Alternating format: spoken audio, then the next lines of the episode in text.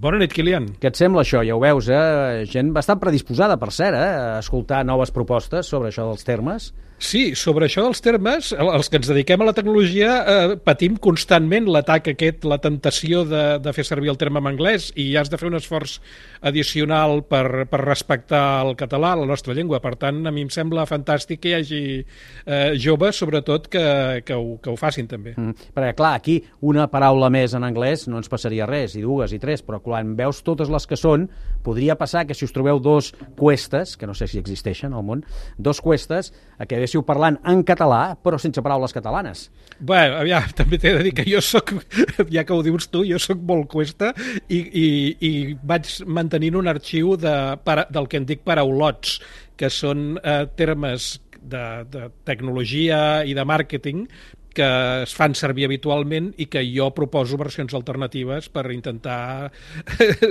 respectar l'idioma. Està molt bé, doncs també els hauríem de conèixer, hauríem de fer una llista un dia d'aquests, eh?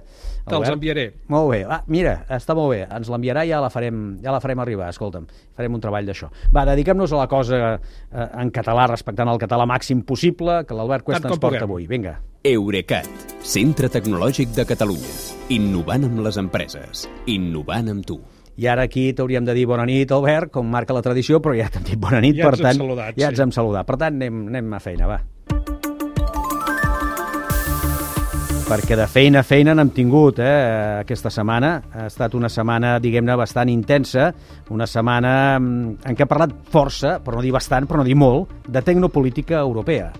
Uh, sí, per una banda, la Comissió Europea acusant Google de posició dominant en publicitat digital i convidant-la a desfer-se d'una part d'aquest negoci, com veu explicar, i per l'altra, les primeres passes del Parlament cap a aquella directiva sobre intel·ligència artificial que ja havíem anunciat que faria. Però si amb això no en feu prou, encara n'hi ha més, la setmana acaba amb Brussel·les reclamant als estats que retirin de les seves xarxes l'equipament de Huawei.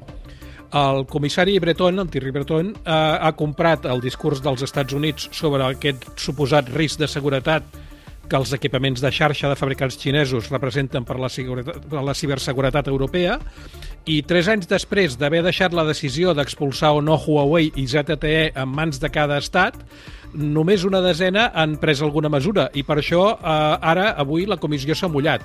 Primer han acordat retirar de les xarxes internes de la mateixa comissió, vull dir, el de les seves oficines, els equipaments d'aquestes dues marques, de Huawei i de ZTE. I tot seguit han instat públicament als estats membres i a les seves operadores de telefonia a que prescindeixin també d'aquests dos fabricants amb les xarxes 5G. I, de fet, és la primera vegada que Brussel·les menciona explícitament pel seu nom aquestes dues empreses xineses. Fins ara parlava només de proveïdors de risc elevat. Eh, com és natural, eh, Huawei ha manifestat el seu gran desacord i que les, diu que les acusacions de risc no tenen cap fonament objectiu. I a partir d'ara què? Doncs a partir d'ara començaran les negociacions per acordar com es fa aquesta retirada d'equipaments de Huawei i de ZTE i la seva substitució pels d'altres marques, que majoritàriament seran Nokia i Ericsson, europees, i Samsung, coreana.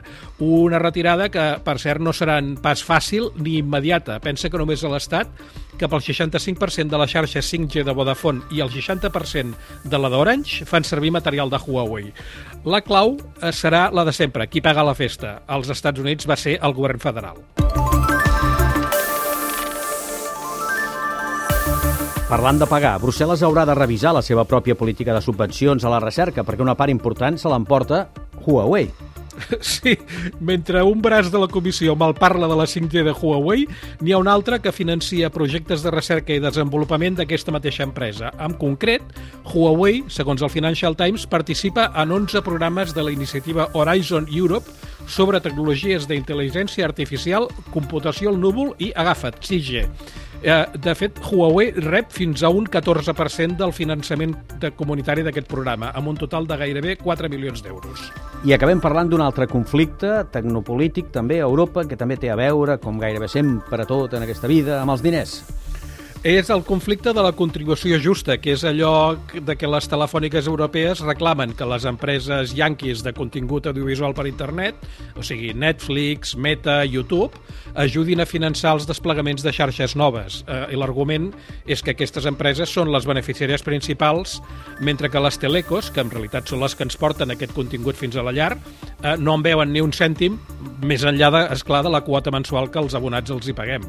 Eh, doncs bé, aquesta setmana el Parlament Europeu ha aprovat per àmplia majoria que es busqui la manera de fer que les empreses de contingut paguin una part de les noves xarxes per tal de garantir la seva viabilitat, que és el que demanaven les operadores, per exemple, a l'últim Mobile World Congress de Barcelona.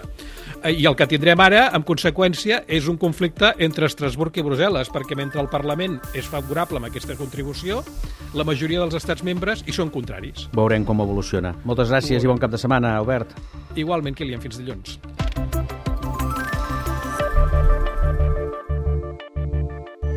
Eurecat, centre tecnològic de Catalunya. Innovant amb les empreses. Innovant amb tu.